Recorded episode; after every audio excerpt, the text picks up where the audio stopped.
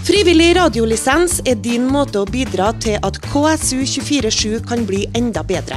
Mer relevant og aktuell radiokanal for deg som bor her på Nordmøre.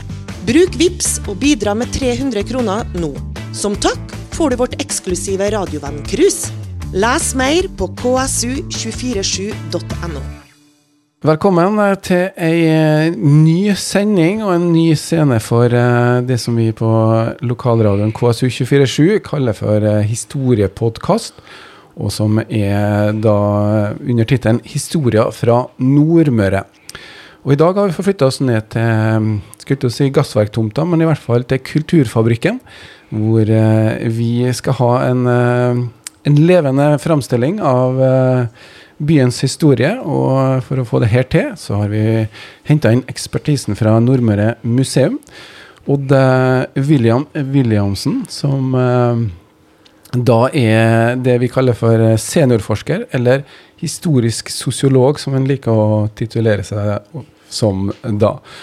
Og eh, vi sitter på Kulturfabrikken, og da er det tanken at eh, i dag skal vi høre litt mer om området rundt her. Og også da spesielt eh, Vågen, som er på mange måter vugga i Kristiansund, uten at det finnes et plass som heter vugga òg. Så er iallfall historien om Kristiansund den kan leses ut av eh, mye som er rett og slett ut av vinduene her på Kulturfabrikken. Ja, det, ja, kan ikke du bare sånn Går det an å oppsummere Vågens eh, rolle eller historiske betydning for eh, byen og Nordmøre, da? Ja, bare navnet. Eh, altså, det er kanskje litt innvikla å tenke seg, men det er, no, det er en sammenheng altså, mellom Fosna og Vågen. For Fosna, som er det gamle navnet på Kristiansund, det byen het før det var ordentlig by, 1742, fikk formelle rettigheter. Så var det jo en slags by før det òg, men den het altså Fosna, eller Lille Fosen. Og det er en variant, eller en spesialutgave, av en våg. Altså det er, det er, et landskapsnavn. Det er ord for, for det spesielle med, med, en sånn plass. Altså at det er et, et djupt uh, skjær inn, skjæring inn i land. Og det spesielle med, med Fosnavågen, som de kalte det for på enkelte kart, og sånn, det er jo at det er en plass det var mulig å gjemme seg. Altså Du kunne holde til her med ganske mye båter og folk, uten at dem som gikk forbi på utsida, altså gikk eh, fra Trondheim og sørover, og, eller motsatt vei, at de skjønte at det var noe aktivitet her. Sånn at Fosna var et gjemmested, et skjulested. Så det var så rett og slett navnet på, på, stedet, på det som ble i Kristiansund. Så det er en måte å forklare det med byens vugge. En annen måte er jo at tida har stått stille her. Det var derfor det var mulig å planlegge et kystkultursenter av nasjonalt format og dimensjon, det var jo fordi at uh, her hadde ikke vært noe konkurranse om tomte og areal. Uh, det sto liksom stille. Og så var det ikke bomber under krigen heller. Slik at veldig mye av det gamle førkrigs og gamle Kristiansund, det var intakt og, og sto her uh, mer eller mindre fraflytta. Men når vi tok løs på det her på, på, på 80-tallet, 70-tallet, men, men Gjertsen og, og Alex Roald og disse karene, forløperne, og det ble et prosjekt på 90-tallet som heter Norsk kystkultursenter, så var hele ideen at at det var, var store, stort potensial i det at det hadde fått vært i fred.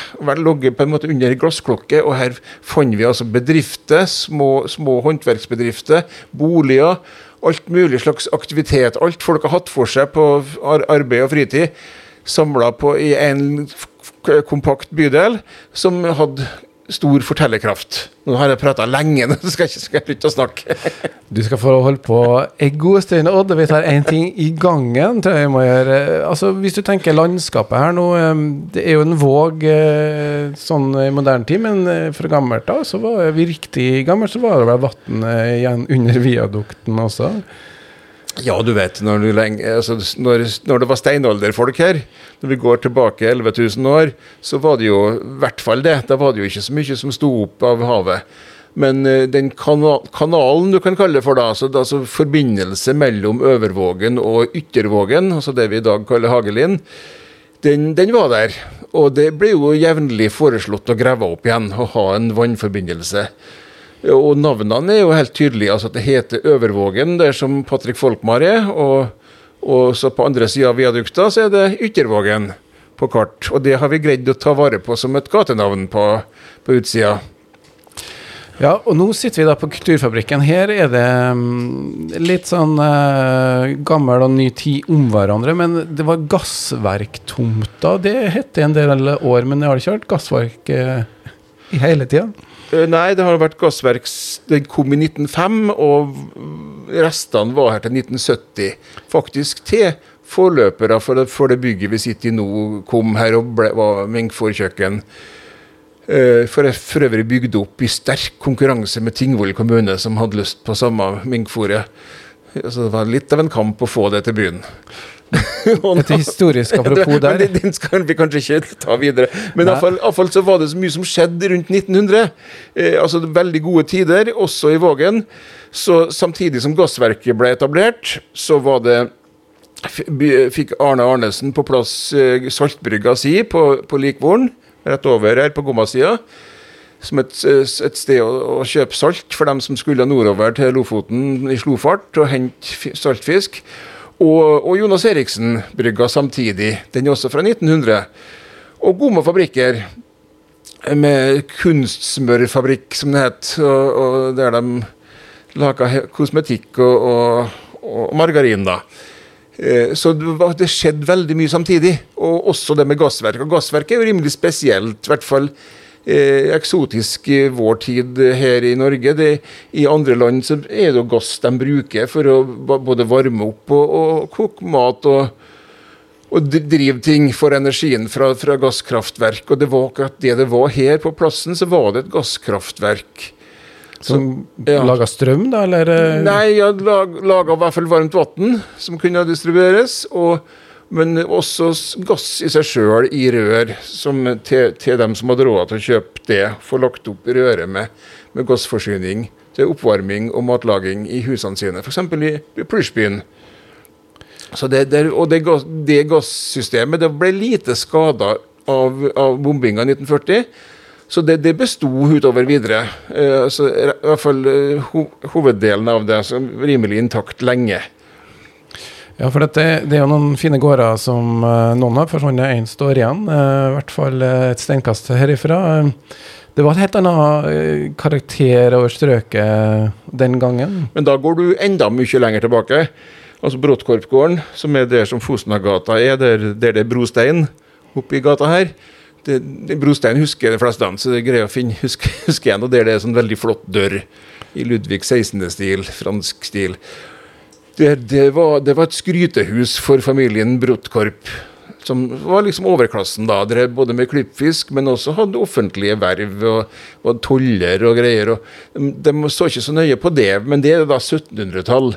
Eh, 1780-tallet, og det er altså bygd samtidig med Lårshusgården. Eh, men hvis jeg sier skrytehus, så var det for at det var om det skulle være mest mulig imponerende fasade. Så for eksempel, tok de seg ikke råd til, eller de brukte ikke penger på kjeller.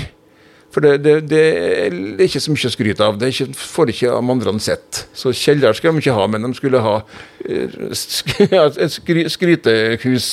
Og så er det da svigersønn Eilert Kristi som, som bygger Kristigården, som vi i dag kaller Håndverkeren. Men det er Bråttgård som satte opp Lårshusgården? Nei, men de, samtidig to helt forskjellige uh, rikinger som, som, som konkurrerte med å, å ha det fineste huset. Ja, og, og eh, vi alle kjenner historien om hvordan de fine husene i Kristiansund fikk uh, hard merfart uh, under andre verdenskrig, da, men gassverktomta besto som sagt. Det var et, et saltkran her veldig lenge, i hvert fall som jeg kan huske.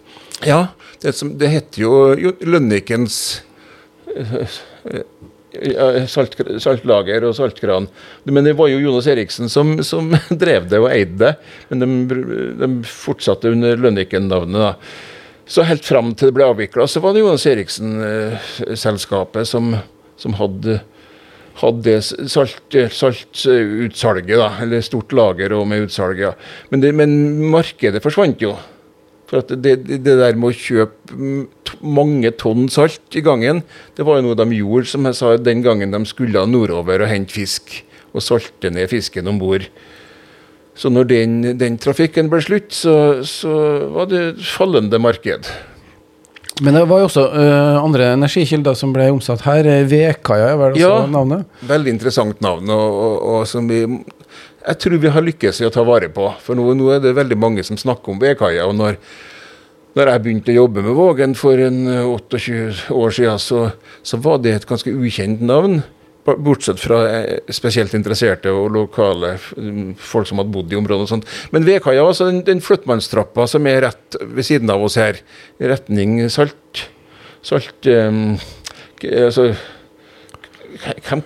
Kullkran jeg leter etter, det er det det var kalt. Lønnikens kullkran, selvfølgelig. Ja. De sa ikke saltkran, de sa kullkran. For de solgte begge, både salt og kål. Både svart og hvitt fikk du der, men ikke pepper, altså, men kål. Eh, og, og, det som ideal, skondert skåndert ideal, var bygd eh, siste nå. Der, ja. Det, var, jo, der hadde vi ei trapp. Den trappa er der ennå. Og det var flyttmannstrappa. Og der kom også bøndene med ved for særlig fra Averøya og andre plasser på Nordmøre, så kom de med, med sine små, gamledagse båter, roende, seilende, eh, søkklasta med ved, kuba, som de kasta på land på vedkaia. Og der hadde kommunen, eh, havnevesenet, en, en, en, et vedmål hvis det skulle være tvist, uenighet om mengden ved som skulle omsettes. Altså, Hvis bonden sa at det her er ei favn, og, skal, og, prisen for det er sånn og sånn, så kunne bymannen si at nei, dette er litt for lite, skal, dette kan umulig være i favn. Og da måtte de putte det inni dette målet, som altså er en svær, rektangulær eh, ja, en boks, en firkant. Avlang firkant. Uh, og han som sto for målinga, han var da en, en vedmåler. Altså, eller en, faktisk også en kunne kalles en undermåler, for han var jo ikke sjef. Det var jo en annen som var overmåler, og som ikke gjorde sånt personlig. Men, men undermåleren og vedmåleren han sto jo der da og, og var dommer i tvisten mellom selger og kjøper. Så det var stor omsetning av ved. Ikke bare der, men og, og et, opprinnelig så var vedkaia faktisk der som Johnsenhuken kom. Der som, altså Nordmørskafeen. Eh, begynner å bli historie, det til og med. Hva skal vi kalle det for noe for tida? Det ble vel campus? Det ble, det ble fremom campus, ja, sier de i moderne tid. Det, det som der ferga til Averøya gikk. Eh, Trygge og andre gamle ferger gikk fra Johnsenhuken for at det var fremma for huset til, til Johnsen, som var en stor, storing i klippfisk. Der var vedkaia opprinnelig for Kirkelandet. Det var jo vedkaier på andre land òg, måtte, måtte ha, ha ved dem òg, men det var den største, da, selvfølgelig her på fineste landet. største landet. Ja, og dem, det var der. Og så ble det flytta etter hvert på, opp i Vågen her. Ja, så ved er jo da var det liksom for de som hadde god råd som kunne filme ved, eller var det koks og sånne ting her? Eller det var det sånn uh... Begge deler, etter hvilken ovn du har det. da. Du, det går vel ikke helt om hverandre det innbiller meg at det funker ikke så godt med koks i enhver ovn, men, men det, noe kan vel sikkert gå om hverandre, ja. Men, eh, og det er vel etter markedspris, det. Altså Hvis, hvis eh, kokslageret sitter inne med altfor store lager, så kanskje de selger litt billigere en periode. og Da kan en hive seg rundt. For hvis alternativet er torv og annet som lukter fælt og surt, så, så er jo toleransen høy. ja, det er, men det er litt uh, interessant det med akkurat den der energibruken og hvordan uh, egentlig da Her er ved, da, men Kristiansund var jo tømmertufta på? Ja, men det er enda før der igjen. Nå går vi veldig fort bakover i tid. Da er vi tilbake til 1500-tall, før det tar av. Og, og, men det varte jo lenge, da. Det varte jo oppover til til klippfisken kom. Så da er vi på begynnelsen på 1700. Så en par hundre år så var vi stor i trelasteksport. Og da var det slik at de snauhogd nærmest skogene innover Nordmøre og oppover Trøndelag, og, og eksporterte eh, fra, fra, stedet her da, lenge før det het Kristiansund. Og da det het Fosen og Lillefosen og Fosna. Men da drev de, hadde de egentlig lov å drive, da? Var ikke sånn at uh, hele poenget med kjøpstatusen var at man kunne drive handel mer Jo, men du kan ha enkelte varer som du har spesiell eh, lisens for, eller eh, til- tillatelse til å drive med. Og så var poenget med Kristiansund-stedet da, den gangen det var, det var toll, tollvirksomheten. At et eller annet sted, strategisk plassert, lett å finne for, eh, for dem som holdt på med det, det skulle være et tollkontor. Og først så var jo det i Botnfjorden, eller så på Gjemnestranda, der som de nå driver og tar folk og kjører for fort. Det er 90-sonen med innlagt rådyr. Eller kanskje, kanskje elg har gjort. Ja, gjort det, vel. Ja, i hvert fall Der var toll- tollstedet først, og så ble det flytta til, til det som ble by etter hvert. da. Og ja, først på Kirkelandet, og så på slutten på Innlandet, som kjent. Dødeladen og, og, og Tollbua. Og da er liksom, altså Staten er jo toll, de vil jo ha skatteinntektene sine og tollinntektene sine. Så kan vi si at sirkelen er slutta nå, når de begynner å flytte alle statlige arbeidsplasser lenger innover. Vi skal ikke ta den. Det var ikke så veldig mye arbeidsplasser. Da. Det var nå et bitte lite tollkontor. Men eh, det var i hvert fall starten på en administrasjon som, eh, som gjorde at det her ble et sted på kartet, og et sted de måtte innom når de skulle drive med eksport. Så er det et poeng hva skulle de med alt av treverket? Virke. Altså det, det er snakk om både hele trær, altså tømmerstokker, og, og planker som er, som er saga opp. Det, det ble jo brukt til påling, pæling, eh, på plasser der det var dårlig, tom, då- dårlig. Altså de rett og slett dr- dreiv det ned i myr og, og, og, og ja, dårlig underlag, eh, og bygd hus oppå. F.eks. i London, Amsterdam, mange store byer i, i, i, i tilgjengelig område rundt her. I Oslo så er vel det mange av de gamle bygårdene bygd på sånn tømmersenger. Ja, men det er da tømmer fra, fra den landsdelen. Det Ja, er lite, lite som kom herifra, men vi sendte sendt ut i verden til, til, til England og, og, og, og Nederland eh, nedover der. Men i hvert fall så det var én stor bruksområde. Og helsehuset her i nærheten, det nye campus uh, Har det fått navn nå? Det er jo også perler. Det er elendig tomt. Det er som det står, det, så det, det er jo 20 meter lange jernpåler der, da. Mens uh, treverk i gamle dager. Det var det ene. Og det andre var jo da byggeskip. Veldig behov for, for solid plank til å bygge både sivile og militære fartøy i, i de fleste land. Så de betalte godt for det. Selvfølgelig skulle det helst ha vært eik, men det var ikke vi så gode på å framskaffe. Det var, var furu vi, vi kunne levere, men det, mange, mange var fornøyd med furu. Solide skip av det òg, hvis det er konstruert Ja, riktig. Ja. Eh, Skipstrafikk eh, Det handler om det. Det er havn Kristiansund som, eh, som er, da. Eh, Det er byen med havna. Ja.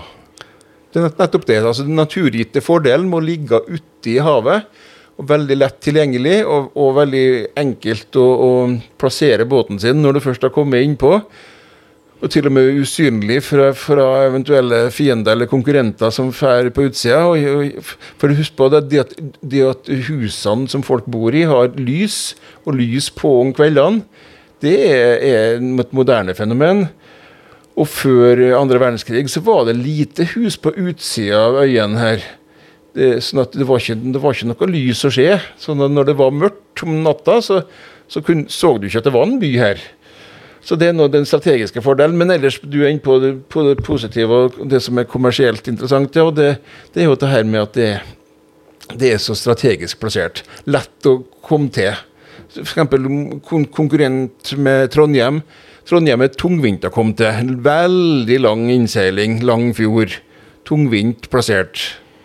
Og da er jeg over på hvorfor kanskje trondhjemmerne ikke ville at Kristiansund skulle bli bli Kjøpstad. Ja, da er du enda tidligere igjen. Da er vi, da er vi, da er vi tidlig, da. Så allerede i 1354 så slår erkebiskopen av Nidaros til seg i stedet her i et makeskifte. Og for eh, sannsynligvis altså Grunnen til det altså Det eneste fornuftige begrunnelsen for at uh, biskopen i Trondheim eh, skulle eie stedet her og ikke bruke det til noe, det var jo fordi at han ville båndlegge det. Sørge for at det ikke skulle vokse opp en konkurrerende uh, plass som kunne ta trafikk og inntekter fra Trondheim og ødelegge for Nidarosdomen, som de skulle få opp fortest mulig og, og tilføre mest mulig ressurser, rikdommer, og bygge et, et, en flott, stor kirke.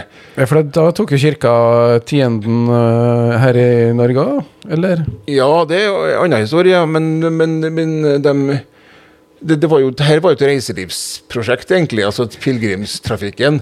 Det jo, handler jo om å få masse besøk, som da skal kjøpe ting som er billig å lage. Kjøpe det dyrt. Kjøpe avlat? Ja, kjøp seg avlat og kjøp seg symbol på at de har gjennomført turen. Kjøp noe som er fra Trondheim, og ha med seg hjem igjen til Tyskland eller Sverige eller hvem de kom ifra. og og dokumentere beviset, også ikke minst for seg sjøl, at de har gjennomført ei pilegrimsreise. Så det er klart det ville være rotete rotethet her hvis det ble en attraktiv plass, en artigere plass å komme hit. Altså, Du får ikke det religiøse her, da, men du får mye annet artig. Så, så kunne de frykte for. Og da, da, var det om å gjøre å, å, forhindre det. For vi er jo i mye bedre havn sånn objektivt sett enn en Trondheim er som havn, og tilgjengeligheten er bedre. Lettere å finne. Du, du detter jo rett inn fra, fra, fra storhavet. Så det er nesten en 400 års eh, kamp, og kanskje enda lenger, for å bli bystatus, da? Ja, det kan du si. Altså, det, var, det eneste de tillot, det var, det var et gjestgiveri. Det som heter Fosna gård. Eh, det som campus kommer. Det som ja, det Svensson Skips var før. Altså enden, hitover-biten av, av rutebilstasjonen. Det lå Fosna gård. Og opprinnelig så var det et gjestgiveri. Og i, i manntallet til Kristian 2., da er vi langt tilbake, da er vi til 1520. Kong, kong Kristian 2., dansk-norsk konge. Han har da en prominent borger på stedet her. og det er, altså var ikke borger her, da, for det, det, var jo ikke borgerskap i noe som ikke fantes. Men, men hun bodde nå her, og hun het Guri. Eh, skrives Guren i Fosen. Og hun var enke og drev gjestgiveri og betalte en god del skatt, slik at det var en viss virksomhet. Men det var den eneste offisielle tillatte næringsdrifta. Det var, det var det her stedet. Men det tyder jo på at det var allerede da en god del seilskutetrafikk og, og overnattingsbehov. og og, og, en møteplass. Sånn at det var Det begynte å skje ting her, men de prøvde altså, som du sier, å legge lokk på og sørge for at det ikke ble for stort. Når det gjelder Fosna gård, så, så fikk jo den det endelikte som sånne flotte, gamle hus ofte får. At det blir, det blir ingen som vil ha det. Det blir gammelt og rart og dårlig vedlikeholdt, og det blir kommunalt. Så på slutten så ble, var det sosialboliger. Og før der så var det, var det eh, barnehage. Altså rett og slett en, en, et daghjem for 16 barn fra 1906. Uh, for da hadde vi fått en Fosna gård nummer to, såkalt nye Fosna gård. Det var det som var Johnsen-gården, børsen. For, uh, og den var jo bygd lenge før det årstallet der. Det var jo, det var jo Kristi som var liksom den store som første som var der. Altså faren til stortingspresidenten og, og andre Kristier som har gjort mye av seg. Men det var altså da postmester Kristi som var den, den, som virkelig fikk fart på det huset. Som sto mer der som retning Rolf Skram-butikken. Men hele tida er vi på campusplassen, da. Men OK, det var nå litt om Fosen av gård. Jeg tenkte jeg skulle si det òg, men uh, hva var det egentlig spurt om? Nei, vi, vi driver og drodler litt rundt uh, den biten med øvrigheter som uh, på en måte legger litt sånn begrensninger for utviklingen av by og bystatus. Ja. Og, og jo har vi dratt oss et skritt fremover til første gjestgiveriet. og men det var jo vel også en sånn ytre kongelig forordning med noe skattefritak i 30 år, som også bidro til Kanskje klippfiskebiten? Veldig stort bidrag og viktig forutsetning for at det ble noe av klippfisken. Det var, det var 20 år dog, men ikke 30 år. men eh, det, Ja, det kunne det vært, men det var nå det. Jo da, det er sånn at da, da de skulle eh, prøve å få fart på næringslivet i Norge altså Det var nye tanker i, i toppledelsen i København Eh, merkantilismen, eh, som det heter, slår til, og man skal begynne å utvikle mer industri. Og liksom Det man har hatt før, det var, det var gruver. på Røros og Kongsberg og sånt. Altså mineralutvinning, kopper og gull og andre metaller og sånt. Så begynte det å dabbe av, ble mindre av det. og liksom hadde, hadde gravd ut det som var lettest å få tak i. Så det var om å gjøre å få fart på annen industri. Så kan du si at denne tømmereksporten var en slags industri, men det er noe mer en sånn ren utvinning av naturressurser som du ikke bearbeider noe særlig. Så de, de ga altså en 20 års skattefrihet for investorer som hadde kunnskap. Kom, det skulle være utlendinger, og de skulle være, ha, ha penger sjøl, og kunnskap og ressurser. og de skulle komme til Norge og etablere nye tiltak, nye for, for, ja, virksomheter. og så skulle de ikke slå rot. De skulle ikke ha familie, skulle ikke bli, bli norsk-dansk borger, dansk-norsk. De skulle, skulle, være her maks 20 år. At dette ble da eh, innført under påskudd av å være et slags eh, amnesti for, for eh, reformerte, altså religiøst sammenheng. Altså dem som ikke var katolikker i, i Storbritannia Eh, og holdt på, fast på læra til Calvin, som er en, en, litt hardere form for luthersk eh, kristendom. Altså mer strengere og mer, mer, mer strenge påbud. Eh, de var ikke, nok ikke så veldig religiøse. Det var nok bare et betimelig eh, altså hy hyggelig påskudd. Altså en god begrunnelse for å få, få noen fordeler. Men det, det, var jo slik at dronninga i, i København, da det ble innført det her, var skotsk og, og, var kalvinist. Og det fortelles jo på den måten, da, i, i en del Altså Noen liker den forklaringa, at det var et slags håndslag eller et slags utstrakt hånd og hjelpetiltak fra hennes side til sine tidligere landsmenn i Skottland. Men eh, la nå det være. Det ble iallfall gjort, og det var ikke bare her omkring det var, var tatt i bruk, det var også andre steder i Norge. At uh, rike utlendinger kom og etablerte en ny virksomhet, og, og fikk fart på stedet. Og vi vet jo at uh, Jappe Ippes hadde vært først. Han hadde ikke sånn ordning. Han var, han, uh, han var hadde ikke den religionen, da, for å si det kort. Jeg trenger ikke å legge ut om hans religion, men han, han var i hvert fall like alternativ som, eh, om mulig som disse her skottene. For han kom vel, begge sorter innvandrere eller utlendinger kom på kant med norske kirke, dansk-norske kirke. og Ikke minst fordi prestene hadde jo lyst til å ha profitten sjøl på denne handelen. Vi likte ikke at det kom noen andre og drev og kjøpte opp verken tømmer eller fisk. for de det skulle de drive med. Så da skyldte de på at det var, det var hedninger. og og, ja, og dro til litt kraftig med argumentasjonen. Men eh, det kan du alltid gjøre med en utlending, for han er jo ikke akkurat sånn som deg sjøl. Du finner alltid noe å ta den for, for at den er annerledes. Det har ikke forandra seg så mye, det? Nei, det, det var nå den sida. Men det var altså så disse 20 års ja, det var, det var jo først Jappe Eipes, ja, og han han var en flink fagmann, fikk bygd opp det her, eh, og, og, men satsa seg altfor stort. Han holdt jo på fra Sunnmøre til Namdalen og kjøpte opp all fisken han fikk tak i. Og så holdt han det hemmelig hvordan han skulle produsere klippfisk. Fikk ikke vite om det, dem som bodde der fra før. Det var høye gjerder, det var fag, fagfolk, eksperter, arbeidsledere fra, fra utlandet som drev med dette her. Og han greide å holde på i sju år før han gikk konkurs. Han, fikk, hadde, han hadde ti års privilegium. Det er en annen ordning da enn en det 20 års skattefrihet. Men han, Jaap Ipes hadde ti år enerett på, produksjonsmetoden. Og så gikk det ut med han.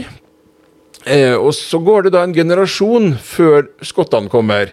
1735. Da kommer først eh, John Ramsay, han med Ramsay's gate, opp med Scandic Hotel. Og Leslie og, og, og Gordon og Milne og mange, mange flotte navn. Og de var mange av oss her kjent hverandre fra før i Skottland, og de var til og med i slekt, en del av dem.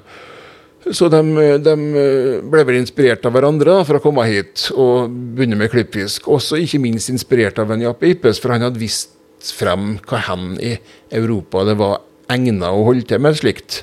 Med klima og arbeidskraft og salt, og ikke minst eh, tilkomst med båt. og råstoff og alt, alt, som skal til for å kunne, kunne drive med klippfiskindustri. Så, så, og så hadde de altså 20 års skattefrihet. Dem, dem var det som hadde det. Da Så- fikk du egentlig oppklart litt uh, en misforståelse som jeg har. Vi, uh, Odd, vi har jo samme etternavn. Ja, Uh, og han, vår forfar kom vel litt tidligere enn det her? ja så- altså han var ikke med på dette, han, sjø. Ikke hadde en skattefrihet og ikke drevet med klippfisk. Men han, han var en luring lell. Så, så det, for han, han hadde jo da komplett husholdning antagelig på begge sider av havet. Både i Skottland og her hos i Kristiansund. Eh, og, og, og han drev stort i import-eksport. Han hadde, hadde spesialtillatelse til å eksportere trelast eh, etter at det var forbudt. For det, var ikke, det var, ble knapp Altså, vi skulle ha, ha planken sjøl, sa, sa regjeringa i København. Vi skulle bygge båter og perle, perle hustomter sjøl. Vi skulle ikke selge det der. Uh, for at de bare lurer oss likevel. De betaler med glassperler og, og røde og blå hu, huer. Ja, så, så, så, men han, han vår, vår felles forfar, ja, Robert Williamsen, han, han ordna seg med, med, med spesialrettigheter til, til eksport, og så, og så drev han stort i metall. Import av metall, ting som Norge trengte. Og så eksporterte han eh, ting som Norge produserte. Altså skinn mye. Skinn av alt, alt mulig slags dyr. Bever og hjort og hare og rev. Altså, alt som var salgbart av skinn. Og, og helt tatt, Han drev med veldig mye forskjellige ting. Men han, han som sagt, var verken klippfisk eller, eller privilegier. Men han gifta seg veldig bra. Han gifta seg jo til store penger. Og der har vi koblinga til toll. At eh, det ble jo en, en attraktiv eh, post, post å være tollsjef i Kristiansund, når, når, det hadde, når det begynte å kalle seg Kristiansund, og, og, og litt før det, da. Slik at det var jo faren til fruen Williamsen, han eh, altså gamle toller Didrik Myllenfort, han, han hadde jo fått jobben her fordi at han var i slekt med statsministeren, for å si det kort og enkelt. Altså en, en, det, det er en lang, komplisert historie, men det var en veldig tilfeldig hvem som ble konge. Han som ble Skal jeg, skal jeg snakke om det? Jo, jeg kan si, prøve å si det kort. Han som ble Fredrik 3., han hadde aldri tenkt å bli konge. Han hadde masse folk foran seg som skulle, skulle være konge før han, men så døde de jo unna veldig fort. Eh, sånn at han var liksom en av de yngre brødrene. Eh, Og hadde egentlig innstilt seg på et playboy-liv i, i Bremen. Og så plutselig så ble han, ble han konge i København. Og, og hadde med seg kompisen sin, som var Kristoffer Gabel. Som, og han ble jo da han, De var jo slags svirebrødre, her, men han var titulær fyrstebiskop, da, han karen. Så han var jo, hadde fin tittel, men han var ikke så veldig interessert, egentlig. Men han hadde høyere utdanning. Han hadde jo ikke slikt å gjøre som å ligge ved universitetet og lese bøker, så han var jo en av de få kongene noensinne som har hatt høyere utdanning. Ja, eh, i sitt gode liv. Men så hadde med seg kompisen sin, ja, og han eh, Fredrik Gabel der, han eh, Kristoffer, Kristoffer Gabel. Han ble gift med ei dame som da var søstera til kona til en Didrik Myllenfort. Så for å være kjekk med, med svigerinna og svogeren, så ga han svogeren et embete i Norge. For at han hadde jo ordna seg slik at han eide jo hele greia her sjøl, da. Det var jo slik de fikk lønn. De tok ikke lønn i kontanter, for det var ikke noe særlig verdt. Det var inflasjon, og det var litt Det kunne plutselig blitt tatt tilbake igjen, men de, de fikk, fikk godtgjørelsen sin i fast eiendom, og Gabel eide stedet her. og plasserte svogeren sin her. Og så ble da Robert Williamsen gift med dattera deres.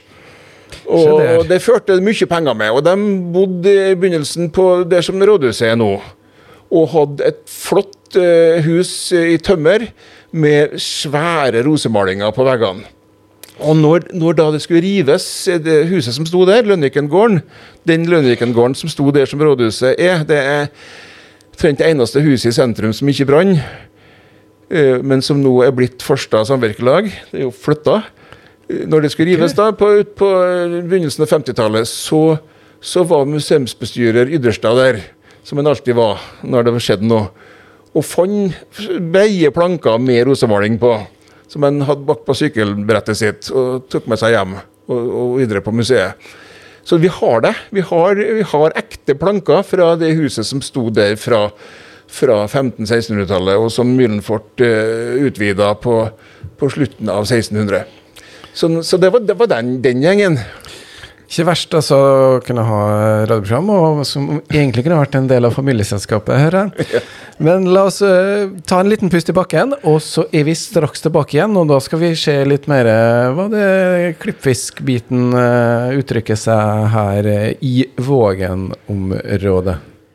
Frivillig radiolisens er din måte å bidra til at KSU247 kan bli enda bedre mer relevant og aktuell radiokanal for deg som bor her på Nordmøre. Bruk VIPS og bidra med 300 kroner nå. Som takk får du vårt eksklusive radiovenn-cruise. Les mer på ksu247.no. Du hører nå da på historiepodkasten her på KSU247, og vi har nå eh, sittet her en litt stund, men eh, Odd Williamsen, og han har fortalt en god del om eh, Ja, vi har hoppa litt langt tilbake i historien, og nå har vi dratt oss fram til egentlig Kristiansunds bystatus og den perioden der, og vi har vært litt innom klippfiske Første generasjon med klippfiskeutviklere, vil jeg påstå, og investorer. Og vi tok oss en liten avstikker innom eh, da Williamsen-slekta. Vi skal ta litt mer, for vi er jo i Vågen, og her er det jo også uh, mange spor etter klippfiskperioden, som Kristiansund er jo klippfiskbyen. Det er jo det som vi er kjent som.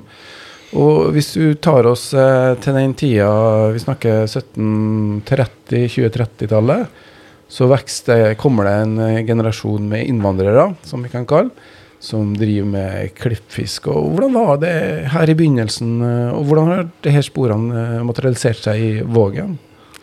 Det er, no, ja, det er mange ting, men, men med sånn fysisk og lett å se, det er jo det som vi nå kaller Klippfiskmuseet. Som uh, heter Millenbrygga, og som uh, er bygd av William Gordon, som er en av de her mange skottene som, som kom da på, utover 1730-tallet. Jeg sa i sted at uh, første skotten var, var, John Ramsay, 1735. Tydfester vi han til.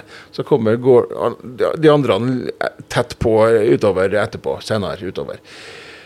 Gordon ja, han bygde altså, den delen av Millenbrygga som er mot, Vågen, mot sjøen, allerede i 1749. Altså like etter at byen har fått sine papirer i orden og fått navnet Kristiansund så, så eh, setter han i gang med et så svært byggeprosjekt. Og det er den største svalgangsbrygga som finnes. Altså det er nordmørsk, byg, nordmørsk byggemåte. Ser det jo ikke på bilder ut, du må inn for å se svalgangen. Men opprinnelig så hadde denne bygningstypen hadde ikke yttervegg mot sjøen. Men vi har ingen sånne i Kristiansund som ikke har yttervegg. Men nå det ser vi Hjelkrembrygga, den ikke svalgangsbrygge. Den har, den har uh, annen rominndeling inni. Det, altså det, poenget med svalgang er at du har, du har bue innerst, og så har du et stort uh, fellesareal på utsida. Til F.eks. i Millenbrygga så var det til snekkere og, og blikkenslagere og dem som drev med emballasje, men også med sortering, vraking av fisk. og andre, alt annet enn selve lagringa, det foregikk ute i svalgangen. Men det var nok, nok om det, bygningstypen. Men, men eh, eh navnet Milnbrygga kommer da etter eh, nummer to, som var en slektning av Gordon, altså Walter Milne. Eh, som, som, overtok etter hvert, eh, ikke så lenge etterpå. Og disse her to sto også for bygginga av det første astronomiske observatoriet i Norge som var i Lysalm, eh, altså, ja, på Lysalmenningen. Der som Tidens Krav hadde sine kontor inntil nylig, og som det nå er Rema-butikk på kaia borti her. Det hadde de et treetasjes observatorium som de hadde bare for sin fornøyelse. Altså var, Noe skulle de holde på med på fritida, og de var interessert i naturvitenskap. Så det, det sier noe om typen folk og ressursstyrken deres. Men tilbake til brygga. Eh, til ei sånn svær klippfiskbrygge så hører det jo med tørkeberg bakom. Eh, jeg ser ikke det på bildet, men det har de jo sett, kan jo se for dere oppover bergene. Det, ja, det ser helt til vi, vi, som ser bildet nå, vi ser, ser det til høyre. Eh, det er det altså da blankskurte berg som er, som er salta og kjemisk ren. Men vi ser også biter med, med en gjødsla eng. Så det var beiteland kloss oppi eh, Fiskbergene. Eh, så det er veldig spesielt landskapstrekk for Kristiansund. Men iallfall store områder som var, som var mm, lagt til rette for, for fisktørking. Og det er jo det klippfisk kommer av, det er at det er et fisk som er tørka på kleppen. Kleppen er det gammelnorske ordet for, for svaberg. Så det har ikke noe med klipper å gjøre, eller med å klippe med saks. Det, det er klepp. Så det er svabergene som er klippen? Ja. sånn at det er jo det, en særdrag ved Vågen nummer to som har med klippfisk å gjøre, det er jo, det er jo landskapet. At det er det, det som jeg sa, sa, der. Og så har du jo så saltbryggene da, som vi var innom. altså Både Arnesen-brygga, som nå er er, er blitt eh, klubbhuset til småbåtlaget. Og Da kommer vi lenger, litt lenger innover i Vågen. Eh. Ja, på bildet ser vi at det er rødt rødmalt. For rødmaling var jo mye billigere enn hvitmaling. Mens eh, Jonas Eriksen-brygga, den Ja, det er ikke den, nei, det er Børsås vi ser på bildet. Men Jonas Eriksen, den, den var, var, vel hvit fra begynnelsen. Eh, det har jo sammenheng også med at Arnesen sitt saltlager var var opprinnelig ei, et kornmagasin i Sunndalen. Det var der de lagra kornet sitt, og da, da, var det naturlig at den var rød, rødmalt. Ja, uh, så, så det, det, det, saken der er noen ja, For å fullføre svaret på spørsmålet mye, mye spor etter klippfisk i Vågen. Og så har vi jo da altså Kranaskjæret, som vi er på nå, uh, siden av. Det, det verftet er jo er jo avhengig, var avhengig Eller ikke bare det verftet, men alle verftene jo, hadde jo kundene sine i, i, trafikk som hadde med klippfisk å gjøre. Sånn at det i seg sjøl, skipsmiljøet og skipsbyggingsvirksomheten har jo med, med klippfisk. Og så var det jo også en reperbane for, for å utstyre, utstyre skipene med tau. Så det er mange spor etter, etter klippfisk rundt. Kraneskjær er jo også en uh, ny tilvekst, uh, med restaurant og flott uh, oppå, men det var jo bare et lite skvalpeskjær, skulle jeg til å si, som var kjekt å ha når båtene kom. Ja, men det ble stod, stadig større, og det var en forutsetning at det var der da de valgte sted for å etablere det første verftet i byen. For det her er faktisk det. Det her var nedkrana eller eh, altså nedrekranen, men det, det, det, navnet må være nyere. For når, da det var her, så var det bare ett verft. Så da var det den, den eneste kranen. Eh, men i hvert fall så er det interessant at eh, opphavet til Kranaskjæret, eller til at det ble et verft der, da, det er på Smøla. I, i, i, i Skodja. Eh, den eh, datoen var 5. august i 1788 så var det et kjempestort skip som gikk på grunn. Og det var altså et sju skip i følge, en eskadre, som det heter, av helt nybygde russiske krigsskip. De var bygd i Arkangelsk, helt i nord, for der var det jo god tilgang på, på, på tre, treverk, materialer.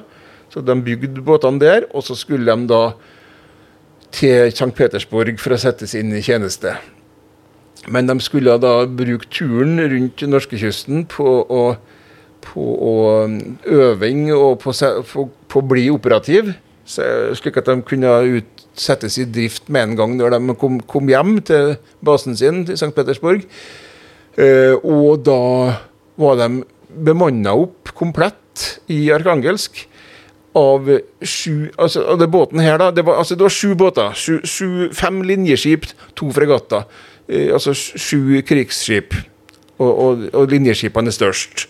Og det, det, aller største, og sjefen, var, var det som litt ulogisk heter no, nummer 11, for det var bare 11, det var bare sju i tallet som var på tur, men det heter no, nummer 11, for jeg hadde ikke fått navn ennå. Døpinga skulle skje når det kom hjem. Men i hvert fall, det, det gikk på grunn, og, og, og, og så var 700 manns besetning som, altså, som, jeg prøver å forklare, de, de, var på plass allerede. Og de kom ikke akkurat med fly til St. Peter, til Arkangelsk. De var kronglete reise, for det her var altså leiesoldater, profesjonelle soldater fra hele Europa. Det var ikke hovedsakelig russere, det var ikke det. Det var, det var nederlendere, britiske, tyske, belgiske, franske.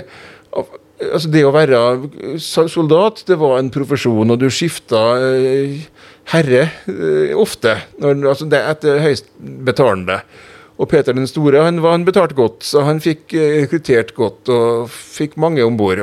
Altså, til og med et, et musikkorps, et komplett militært musikkorps, var det om bord. Eh, og så var spørsmålet altså, hva skal vi gjøre men når det gikk på grunn og, og en betydelig skade? Svær flenge og, og en stor, stor reparasjon som vil ta iallfall et år. Skal det her skje i Trondheim, eller skal vi satse på Kristiansund?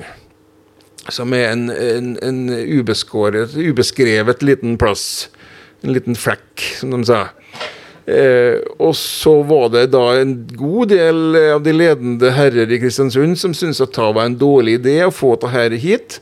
For folketallet i 1788 her i byen var bare 1400. Og så skulle de altså få 700 eh, morske soldater. Eh, som skulle være her, da? Som skulle være her i, på ubestemt tid. Og attpåtil et musikkorps som skulle springe rundt og forstyrre. Og spille på alle, alle, festdager, russiske festdager som ikke folk her hadde noe forhold til. Og nei, De var jo redde for kriminalitet og prostitusjon, og ja, helt, kunne hele byen gå på dunken, og farlige greier, ja. Men så ble det sånn lall. Oppdraget kom hit. Og Kranaskjæret ble opprusta med, med, med, eh, installasjoner, med altså bygge bygg en større platting oppå der. og, og fire gangspill ble installert, altså sånne store kraner for som du må, sånn hestevandring, nærmest. Eh, men du kan bruke mannfolk til å gå der, eller du kan bruke hest eller esel eller hva du nå har til trekkraft, men iallfall for å løfte tungt og for å krenge seilskip inntil og det var jo det de hadde bruk for, da, den her store båten som skulle repareres. Måtte kreng, man liksom legges, på sida? Legges på sida, ja. Inntil brabenken, som det heter. Den kran, uh, kaia som er ute på skjæret der, da. For sånn kan du komme til hullet og få reparert. Uh, og, uh, ja, og sånn bygde de også nye båter. Og på den måten de fikk, fikk det til. De hadde ikke, hadde ikke dokk eller, eller, slip eller sånne moderne ting. De, de måtte rett og slett legge båten si, på sida innåt. Og Det er veldig stor belastning på konstruksjonen. Det må være en veldig solid båt for at den skal tåle, tåle det der. Men eh, sånn, sånn, var det. Det var altså slik det starta, og, og, og, verftet ble jo større og større etter hvert, og ble, ble en suksess. Og som en sa, det kom reperbane, og, og, det ble en betydelig arbeidskraft, arbeidsplass for, for mange. Men da lurer jeg på 700 mann, da, hvor lang tid vi holdt dem på? og Hva skjedde med byen? Nei, altså byen har blitt noe sånn som den har blitt. Den, ble mange flere hva, hva innbyggere? Jeg, jeg, jeg, mener at jeg har skrevet et sted her hvor lang tid det tok. Men at det i hvert fall var ett år, og jeg lurer på om det var ikke var, var langt opp i, opp i to år det tok det her å gjennomføre. Og båten ble døpt etterpå. Når den var kommet hjem igjen, så ble den døpt for Maxim Ips Ipovednik, som skal være en, en sånn gresk-ortodoks uh, helgen. da. Sånn at Restaurant Maxim kunne vært et fint navn på Kranaskjæret, foreslo jeg en gang. For at båten var jo oppkalt etter han, men så, så, var jo det navnet opptatt. Vi har jo, har jo hatt Maxim andresteds i byen. Ja, så Det var nå den historien, men altså, ganske fantastisk. Og så ble det jo etter hvert fem verft i byen. Vi, vi vet jo om eh, altså Når det er nedkrana her, så var det jo overkrana i motsatt retning. Øvervågen, det var Kåsbøl sitt, og han Kåsbøl var så rik at han hadde ikke, tok ikke andre kunder enn seg sjøl, han skulle bare vedlikeholde egne skip. Og så har du mellomverftet i midten, mellom de to. Øver, øvre og nedre. Og så har du to på andre sida. Du har Mollan i dag, altså Kristiansund Mekaniske, som som kom etter hvert. Og så har du, var det på Israelsneset. Det har nesten alltid vært litt skipsbygging der òg. Og her på Nedkrana så kunne de, kunne de kjølhale inntil seks skip på det meste, når de også tok i bruk vedkaia, som vi var innom i sted. Vedkaia kunne også brukes til kjølhaling. Ja. Men det, det, det var mye teknikk. Men, men, men, det var altså visjonen når, når restauranten ble bygd her på, på, på Kranaskjæret, så var visjonen å ha en, vise alle disse her installasjonene. og Det er jo enda ikke for seint. Det er jo bare et spørsmål om å ha ressurser til å, å gjennomføre. og få, få satt opp noe, i hvert fall noen miniatyrer, noen, noen i mindre målestokk, eh, av mastebukker og kraner og, og eh, gammeldagse installasjoner som hører et skips, skips, seilskipsverft til. Det hadde vært litt av en attraksjon. Og nå, nå er jo grunninvesteringa gjort. Ja, nå er restauranten der, og, og skjæret er gjort om til ei, spør du meg. Men eh, det er jo levende museum, hele Vågen, da, og også Mellomverftet, som vi ser. og det er jo litt artig at uh, oppe i skråninga oppafor uh, på Kranaveien, så har du også et, et hus av tiden, da. Sjømannshuset, står det. Sjømannshjem. Sjømannshjemmet, ja. ja. ja. Rett og slett et slags hybelhus, da. For, for opprinnelig så var det for ansatte på Mellomverftet. Men så ble det for dyrt. Eh, altså De greide ikke å betale banklånet, så det ble solgt til private. Og så har Skipperforeninga vært sterkt inne i bildet i lange perioder. Og bruk, har det som en, hadde det som en slags utleieboliger for, for sine medlemmer. Men nå er det hvem som helst som kan bo der. Ja, Hvor langt tilbake i tid snakker vi om det kom opp? Midten, altså 1860, der omkring. Midten av 1800 samtidig med bygginga av, av mellomveftet. Mellomveftet regnes fra 1856, så det kommer litt etter det. Og så det store naustet på, på fremsida, som eh, senere ble Flåsetbrygga. Kanskje noen kjenner det som Roklubben, eller at til og med Tempo har hatt klubbhus der.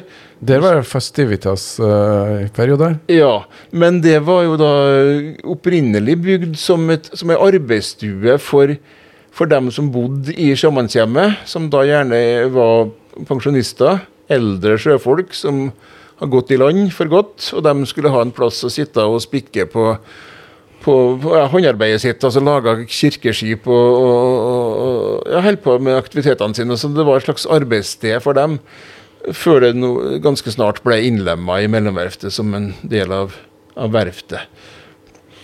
Det er, historien er jo gjenkallelig slik at eh, de, de, store herrer og de som er øverst i hierarkiet, som ofte blir huska og skrevet mye om, men uh, Vågen er jo også et sted for eh, skulle du si arbeiderbevegelsen, iallfall her i Kristiansund, da hadde vel ja, hva skal jeg si sine aner og oppstarter her, hvor det sikkert var veldig mange verftsarbeidere, og Strandhuset var dette historisk sted? Ja, Strandhuset er det, det, det hvite skipperhuset som henger sammen med Vollhuset, Vollbrygga, som er gult. Uh, og Knut Siem han var hybelboer en periode i Strandhuset og har skrevet navnet sitt på, på, på en bjelke. Og Det gjorde han også i, enda større grad i Milnbrygga, for det var der han stifta fagforeninga, Pakkhusarbeiderforeningen Fosna. Men vel å merke så var det forening bare for mannfolk. Da Klippfiskkjerringene fikk ikke være med i foreninga hans.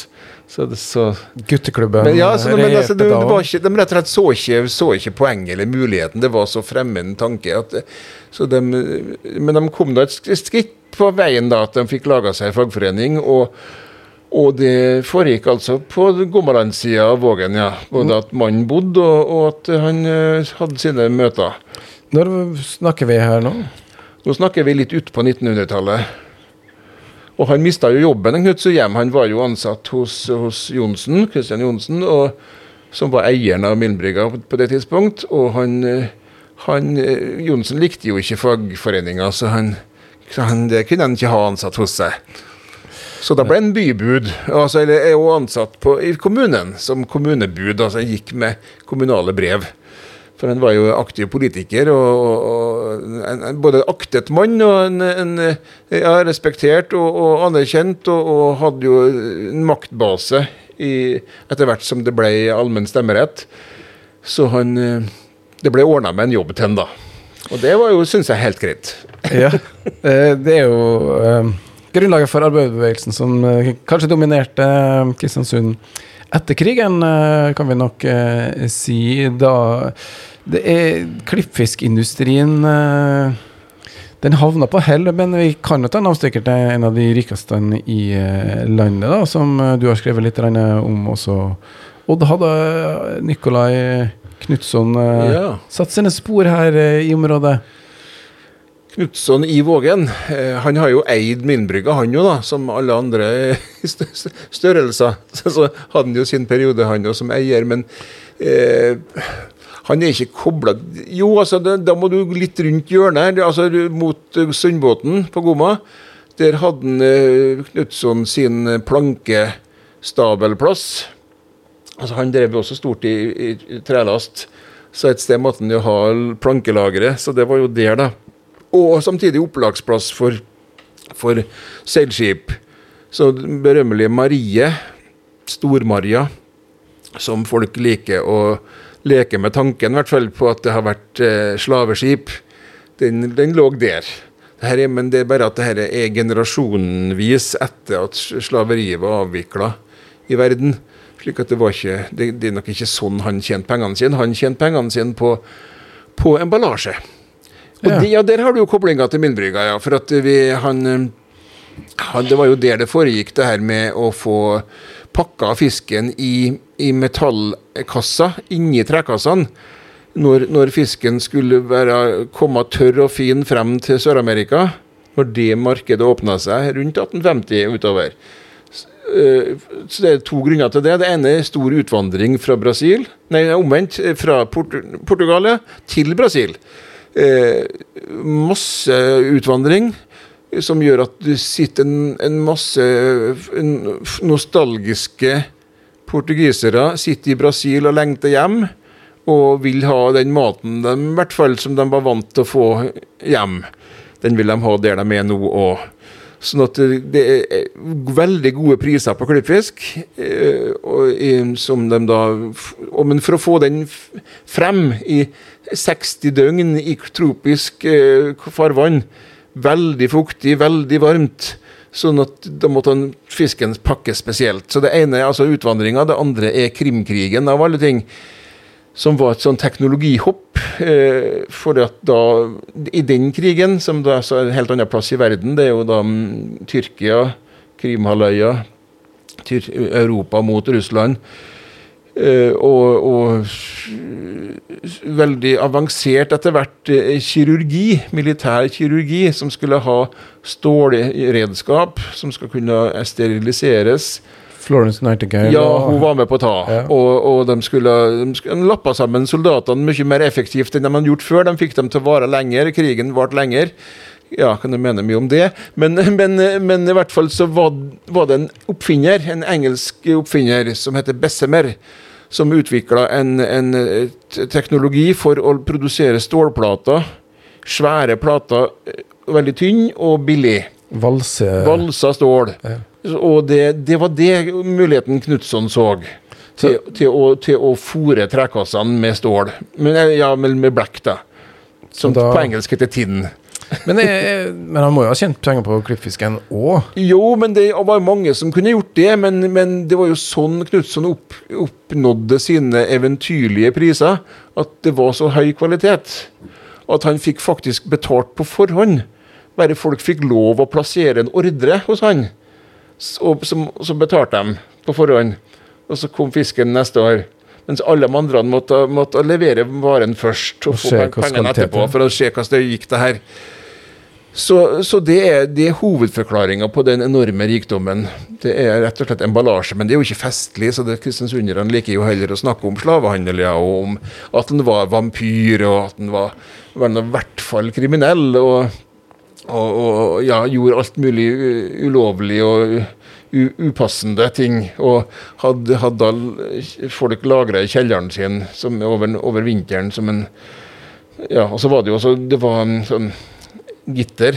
Er det noe i det? Der? Gitter for kjell ja, det var jo gitter, fordi at ikke folk andre skulle bryte seg inn. Så på Knutsonlund på Frei, som er ikke så gammelt, det er jo fra, fra 1870-tallet, eh, så, så var, det, var, det, jerngitter på, på kjellervinduene for at ikke, ikke, folket på Frei i nabolaget skulle bryte seg inn og stjele maten som var der. God vin, ikke, for at, ikke for at slaver ikke skulle komme seg ut. For det, det ville jo helt tulla. Og samme historie er jo fra Sjursvika òg, med Leslie-brygga, som da Knutson overtok. At, eh, at, det skulle også da ha vært eh, slaver i kjelleren, og særlig om, om vinteren. Veldig ulogisk og helt fjernt fra virkeligheten. Men, men eh, det er jo spor av det, og, og folk liker jo også å tro at eh, det vokser ikke blomster på grava til Knutson, annet enn én en liten stygg svart en. Ok, hvilken ja. blomst er det? Ja, men altså, det, han har fått et veldig ufortjent ettermæle i folkedypet for at han var den mest prektige og ordentlige av disse karene der. Og i Donna Bacalao så ble det jo han som ble, ble, ble mm, flagga som, som, far til uekte barn, eh, med noe med øyefarge og greier. Men, men han var jo den eneste som ikke gjorde sånt. Okay. Alle de andre drev med det, men akkurat han som har, har fått, fått, ufortjent fått uh, det ryktet på seg. Han var mer en sånn misjonsmann. han, Veldig forsiktig, veldig tilbakeholden og litt stille type. Uh, mens, mens uh, sånn som Johnsen var, en sånn festblankett som, som satt, satt fram svære tønner med øl og, og kom og få. Altså, for, gode stemninger skulle lette opp det meste. Men det var vel det egentlig Jeg hørte hørt at nordmenn, eller i Norge, da, om det var siste del av 1800-tallet, um, eller der omkring, at det var mye um, Det var ikke så uvanlig å ha litt flere litt løse unger, for å si det helt enkelt. Ja, de måtte jo ha det, da. Rett og slett ikke måtte, da, men det ble nå til det. Når de hadde 20 års skattefrihet på den betingelse at de ikke slo rot og ikke stifta familie. De hadde jo ikke lov å ha ordinær familie. Men så hadde de vel sine menneskelige behov, da, som det sies, heter, og sånn at det ble en del barn etter dem. Men så er det også når, på den tidlige tida, når, når her gjelder, altså den skattefriheten, den tar jo slutt en gang mot slutten av 1700, nei, 1800. Det varer såpass lenge, men, men, vi er fortsatt ganske tidlig i historien, sånn til Kristiansund å være. Så ble de jo i stor grad anerkjent av sine fedre, selv om de ikke kunne stå skrevet, for det, da ville de miste sine privilegier. Men de fikk gjerne noen form for utdanning, og, og ble gjerne skipskapteiner. Eller formenn på bergene. Og, så, og tidlig så var det jo det at de var tolker òg, sa ungene. For at de kunne både snakke med far sin og med de lokale. Så de kunne både engelsk og, og kristiansunder. Sånn at det, det var en nødvendig mellom, mellomstasjon. For, for de, mødrene deres de forsvant jo gjerne fort. For det var jo de klippfiskkjerringene som var ganske unge eh, damer. Eh, og som da en, en god del hadde, hadde barn, var enslige mødre. Men mange hadde jo ikke det, heldigvis. Men de var ikke her så lenge. De skulle tjene seg penger til amerikabillett, kom seg videre. Og, og det var stor gjennomstrømming. Mens eh, barna ble igjen, gjerne hvis de hadde en prominent far som ville ta seg av dem. Gjennom privilegier. Ja. sånn at, så, jo da, sånn at det, det, det, er jo på en måte en sånn, sånn skjønnmalingsversjon av, av det her, men det er også selvfølgelig en masse overgrep og, og, og klassesamfunnets verste sider. Men det var kanskje vel så mye fra formannssjiktet Altså arbeidslederne. Mellomlederne? Ja, de som bestemte hvem som fikk jobbe på Bergene, eh, eller vaskefisk, den dagen. De var nok vel så tilbøyelige til å utnytte posisjonen sin. Men så kan man ikke overdrive det heller. Vi har jo sånn som Asle Lund, hun var veldig glad i å snakke om det. Noen har kanskje hørt henne. ja. Hun var historielæreren din, ja, kanskje. Men mens eh, lite er dokumentert, da. Veldig lite er dokumentert. Men så det er nok mye man må slå av for, for de gode historiene. At folk liker å, å, å servere fantastiske historier om hva fælt det var. Men, men noe er det vel i det. En historie blir gjerne litt eh, bedre hvis den er lett å huske, og for at den skal bli lett å huske, så kan det være greit å overdrive litt. Rann, si de lærde, da. Ja. Eh, du nevnte grava til Nikolai Knutson, og eh, jeg har jo, må jo innrømme det, jeg har jo bodd her i noen år nå. Men likvoren, likvoren har jeg ikke vært helt klar på beliggenheten. Det er her i Vågen. Ja, det, det er Vågen, vet du. Ja, og en hvor er rett og slett ei kai. En, en, en uh, utstikker. En, uh, et, et, anløpssted. Altså noen steiner. En, gjerne lange, lange uh, bautasteiner nærmest som ligger, men det kan også brukes, brukes mindre steiner og lage en liten mur ute i sjøen. Et anløpssted. Og, og hvorfor det heter likvor, det er jo for at der skulle kistene settes i land, tas, tas, i land. Det var jo sånn at vi hadde bare ei kirke, og den var på Kirkelandet. Det ligger jo i navnet, faktisk. Sånn at når, når eh, skulle gjennomføre en begravelse, og vi hadde eh, eneste gravstedet på, på Gomalandet eh, Før det så var, var gravstedet på Bremsnes. Så da var det jo enda mer tungvint og enda mer båt og enda mer styr med, med, med, med eh, ja, vanskelig å få til dette her i all slags vær. Men, men, fra 1822 så har vi altså et eh, kommunalt gravsted på, på Gommalandet. Eh, de aller fineste og rikeste de hadde jo sine private gravsted. Vi har jo en rekke av dem. Og det som er lest synlig, er jo roligheten opp med Kirkelandet kirke. Men, men eh, ja, eh, der var det da altså ei, ei båndløs myr som var helt uproduktiv, og som det er et sted som kommunen så seg eh, råd til å leie og byksle av gårdbrukeren. For at ikke gikk det an å dyrke noe der, ikke gikk det an å ha krøtter til beite, for de sakk nedi. og Det var ikke til noe, og de fikk det billig. Så det var stedet. Men det var ikke noe flott spansk ballast? Jo, det kom jo etter hvert. Ja, for, at, for, å få det her til å fungere, så må du jo, må du blande oppi noe tørt. Og da var det at de eh, så muligheten for å ta ballastmasser. Uh, for at uh, På Likvåren, før det het det da, altså Nå er vi altså mellom småbåtlagets i Brygge, uh, saltlageret til Arnesen tidligere. Jeg har sett et bilde en gang her. Og retning eh, Strand, Voll, Milden. Eh, altså, den bakken som går opp fra småbåtlaget opp til, opp til Freiveien. Det altså På sjøsida av den så har vi, har vi Likvåren. Nå nå er du på bildet litt for langt mot Koma fabrikker. Men uh, OK. Ja, vi får være litt verbal, fordi at vi får være verbal, for radiofolkene ser ikke bildene. vi, nei, nei vi, vi har iallfall Hva var det jeg skulle si? Jo, jo, jo begravelse i, på Kirkelandet, i hovedkirken. Det heter ikke Kirkelandet kirke, det, hoved, det het bare kirka, for det var bare ei kirke. Og når, når når Nordlandet kom senere, i 1914, så var det Nordlandet kirke, og så var det Hovedkirken. Det var ikke Kirkelandet kirke. Det, det navnet kommer ikke fra 1964, så folk driver og roter med å kalle det for det altfor tidlig. Men det var nå en lang parentes. Vekk med den. Eh, Men siste reis? De, de skulle iallfall siste reis, ja. Fra kirka så var det enten en eh, kjapp eh, transportetappe ned på piren, eller en pompøs opptog. De, desto rikere du var, desto lengre tog fikk du. Og det kunne være et skikkelig opptog. Vi har mm, bilder fra, fra Knutson og sånt. Det var ikke måte på hvor langt det var, og hvor mange vogner, og hvor mange hester og hvor mye folk som gikk bakom.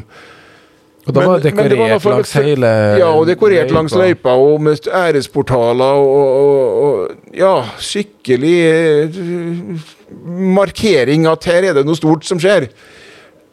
Men altså på piren, da, som heter Kirkealmenningen, gjerne, så tidlig eh, enda, så, så, og før det, ja, til hverdags så var det Helsingallmenningen. Det var mange navn på alle plasser samtidig.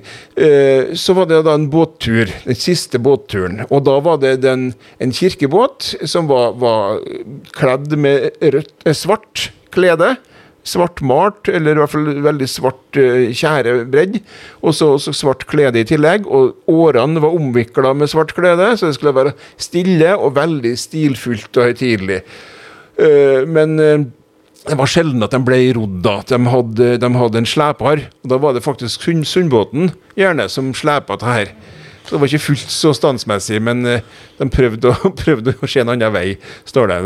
De så ikke så mye på, på, på motorbåten, men de så på likbåten. For det sto kista, og der var de pårørende med oppi. Og så var det flere båter bakom etter hva stort følge det var, som, som eh, fulgte på. Over fra piren til Likvåren på Gomma. Og der ble det satt i land, og så det, var det bæring opp bakkene. Og det er jo en ganske strabasiøs bakke, det er ganske bratt. Så de hadde spesielle, spesielle sånne skamler, sånne benker, med, med, gjerne med skeiv fot, slik at det skulle stå i motbakka. Og så var det smågutter som fikk eh, litt betalt for å, for å bære av seg benkene. Det var en egen, egen funksjon for, for uh, småguttene i strøket å være, være likkistebenkbærer. Det, det, det er tunge saker. Det er massivt tre og et stykke å, å gå. Et stykke å gå. Og så kom de opp til det som vi som ser bildet, ser bildet. Og, og der, der er altså også satt opp en æresport til, til, til denne anledning. Det, det kunne de få, dem som betalte for det. Og, og, ja, og, det gravstedet på Gomma det ble jo stadig utvida. Det, det var bitte lite først. Var, altså Kommunen har alltid vært påholden og skulle ikke bygge større enn en må. Så de, de starta med en liten flekk midt på, og så har det vært utvida og utvida. utvida. Men så var det denne ballasten, ja. Ballastplassen var jo fra, helt fra gammelt av, helt kanskje fra 1200-tallet. I hvert fall kom loven, da. Magnus Lagabøter han hadde egen forskrift om, om ballastplasser at det skulle eh, lokale myndigheter bestemme hvor hen eh, båtene fikk, fikk eh, legge ballasten sin. Og ballast er altså noe du har på seilskip for å kunne manøvrere bent. Du får ikke til å manøvrere en tom båt. Den, den tar ikke styring, men har du litt vekt nedi, har du litt pondus, så, så får du bestemme retninga. Sånn er, sånn er det bare. Ja. ja, og, og, men når du ikke, ikke, ha bruk for ballasten, og når du skal ha eh, kommersielle varer isteden, så må du ha et sted å gjøre av det her. Og det ble altså dumpa nettopp på Likvåren på havnevesenets plass. Og du hadde andre plasser. Du hadde Eriksneset på, på Nordlandet. Eh, det som Remland og uh, Åsnord og sånt er nå. Men, men, men, poenget er at det var, det var, da blomsterfrø og små løker og, og, og diverse som kunne spire og gro innimellom bygningsavfall og, og alt mulig annet som måtte være i disse massene. Så på gravstedet så kom da adjunkt Henrik Greve og en kompis til fra videregående, fra gymnaset, allmenn, høyere allmennskole. De eh, gjennomførte ei, ei kartlegging av planter som ikke var naturlig hjemmehørende i Norge. Og ja, det var nå på midten av 1800-tallet her, da. Vi har nå et nøyaktig årstall et sted her, det, og det står på blåskiltet på, på muren. Eh, og de fant Hvor mange var det? 160 eller noe sånt arter som da var, var, funnet for første gang i Norge og ikke hører hjemme i Norge. Eh, som da var kommet dit med ballasten. Så Derfor er det vi sier at vi gravlagt i spansk jord. Eh, nå var det kanskje like mye engelsk eh, husa, altså rivningsavfall, husbygging, men, men, det er ikke fullt så festlig. Så, så, så, så, det kunne være fra mange forskjellige nasjonaliteter, denne massene, men, men også, da, også spansk. Og klart, Er du heldig, så er det litt rødfarge på det, slik at du kan få, få rød spansk jord. Men, men, vær oppmerksom på det at det er like mye ballast på Kirkelandet gravsted og, på, og, i, og i private hager byen rundt. For at det her var jo sånn de fikk det til å gro og bli litt grønt rundt husene sine. Det var jo da kjøp bøtter med ballastmasse, helst ballastjord. Så havnevesenet hadde i generasjoner mye større inntekt av salg av ballastjord enn de hadde av, av kaileie. Så, og folk kjøpte altså i spisposer, kjøpte i små bøtter. Så det, det var, her var attraktive greier. Men eh, havnevesenet slapp å betale for det, de fikk det jo da? De fikk det, de kunne bare bestemme at uh, skal du ikke ha ballasten din, så må du legge den her. Ja. Og den tar vi.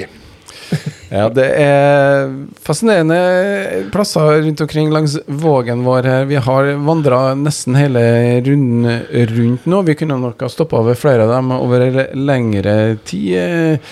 Litt artig med kanskje Patrick Folkmar innerst inni i, i Vågen. Jeg har ikke noe bilde av det, men eh, der er jo en bygning som er laga Er litt historisk, det òg, for det er en betongbygning som Ja, det var jo den første trafostasjonen til Kristiansund E-verk.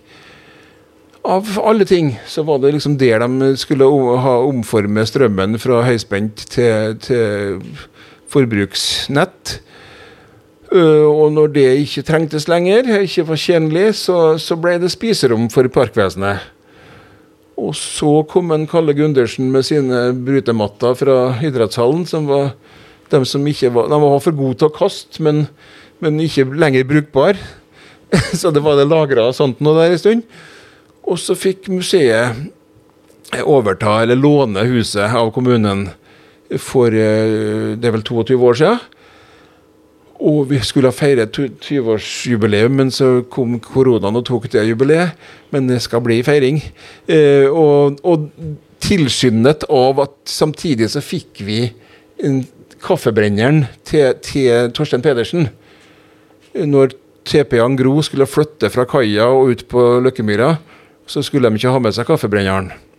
Altså så en kjempestor maskin. Ja, dere har vel sett det inne på Folkmar. Uh, så den, den fikk, fikk, vi da, under forutsetning av at vi holdt den i gang. Og det, jo, det, er jo sånne betingelser museum sjelden går med på, men det her hadde vi jo huset, da. Så da gjorde vi det. Og den har vært i drift uh, ja, jevnlig hele tida. Har det vært brent, brent kaffe siden vi overtok der. Og det er Vardekaffen, da? Som... Vardekaffe, ja, som var da varemerket til, til TP Angro og Torstein Pedersen. Det var jo mange grossister i Kristiansund, som, som i alle byer, og, og de hadde jo hvert, sitt kaffemerke. Men Patrick Folkmar, drev han med kaffe? Nei, han drev aldeles ikke med kaffe. Det er et sånn, sånn sammentreff igjen at samtidig som det her skjedde, altså at vi fikk huset, at vi fikk kaffebrenneren, så fikk vi også tilbud om å kjøpe et av de eldste eh, igangværende, eller da aktive, aksjeselskap i, i, innenfor klippfisk i Kristiansund. Det var da dem som drev med, med Patrick Folkmar kommersielt, og drev salg av, av klippfisk til, til, Spania Portugal dem, og andre steder.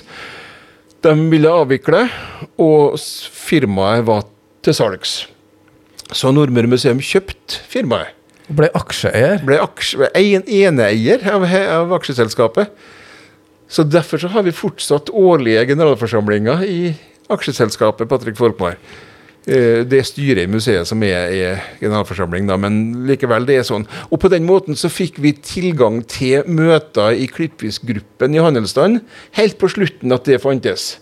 Okay. Så Sverre Svendsen som museumsdirektør han var på, ofte på møte og fikk treffe de gamle guttene i, i næringa. Og fikk hanka inn en masse bransjekunnskap. Men så, er det, det noe veldig... klippfisknæring igjen? Ikke nå, nei. nei. Men det er jo ikke langt unna. Det er jo bare en tunnel unna. Så har du jo fem kjempestore anlegg på Averøya. Hvorav, hvorav, to er helt i toppen i kvalitet og vinner alle konkurranser som er. Eh, så, så, jeg syns ikke at det gjør noe at vi ikke har det innenfor kommunegrensa, så lenge det er så nære. Så det, så det, altså Industri behøver ikke være midt i byen. Og det er vel et tidsspørsmål før kommunegrensa blir justert, ikke det? Jeg håper det. Noen drømmer om det. Vi, uh, uansett, en by uh, lever og ånder med de ulike tidsstrømningene, og også næringene uh, som sådan. Og nå har vi vært gjennom en ganske lang stund her, nå med mange næringsepoker som alle har satt sitt preg på Vågen, da, i hvert fall, og også Kristiansund. Så ta deg en tur i Vågen og se litt på uh, historien til Kristiansund. Og uh, det er også mulig kanskje at det blir for flere historiepodkaster her fra Kulturfabrikken med Odd Williamsen kanskje også. Han er jo en uh, formidlingsglad mann som uh, stadig skriver på noen prosjekter, så vi får se. Uansett, det har vært veldig hyggelig, Odd, å ha deg med her. Ja, det var kjekt å få komme. Og litt annerledes. Og det, ja, takk for at de kom, de som sitter i salen nå. Det er flott. Vi bare minner om at uh, sendingene uh, nå tar en pause for sommeren. Vi følger litt skoleferien med historiepodkast. Vi skal ha historiske innslag i sommerradioen som kommer også. Men vi tar en liten pause nå, og så er vi tilbake igjen med høsten med Sverre Jansen og Historielaget. Og kanskje en Odd dukker opp, eller andre fra Nordmøre museum. Og så skal vi også greie å få spredd oss litt mer utover på Nordmøre. Og eh, da få med litt historier der eh, også. Og har du innspill, så er det å sende en e-post til post 1 eh, eller alfakrøll ksu247.no. Enten det er korrigering av faktafeil, eller om det er et innspill til program vi kan ha. Så takker jeg Charles Williamsen for meg, og så får jeg bare si god sommer. Frivillig radiolisens er din måte å bidra til at KSU247 kan bli enda bedre. Mer relevant og aktuell radiokanal for deg som bor her på Nordmøre. Bruk VIPS og bidra med 300 kroner nå. Som takk får du vårt eksklusive radiovenn-cruise. Les mer på ksu247.no.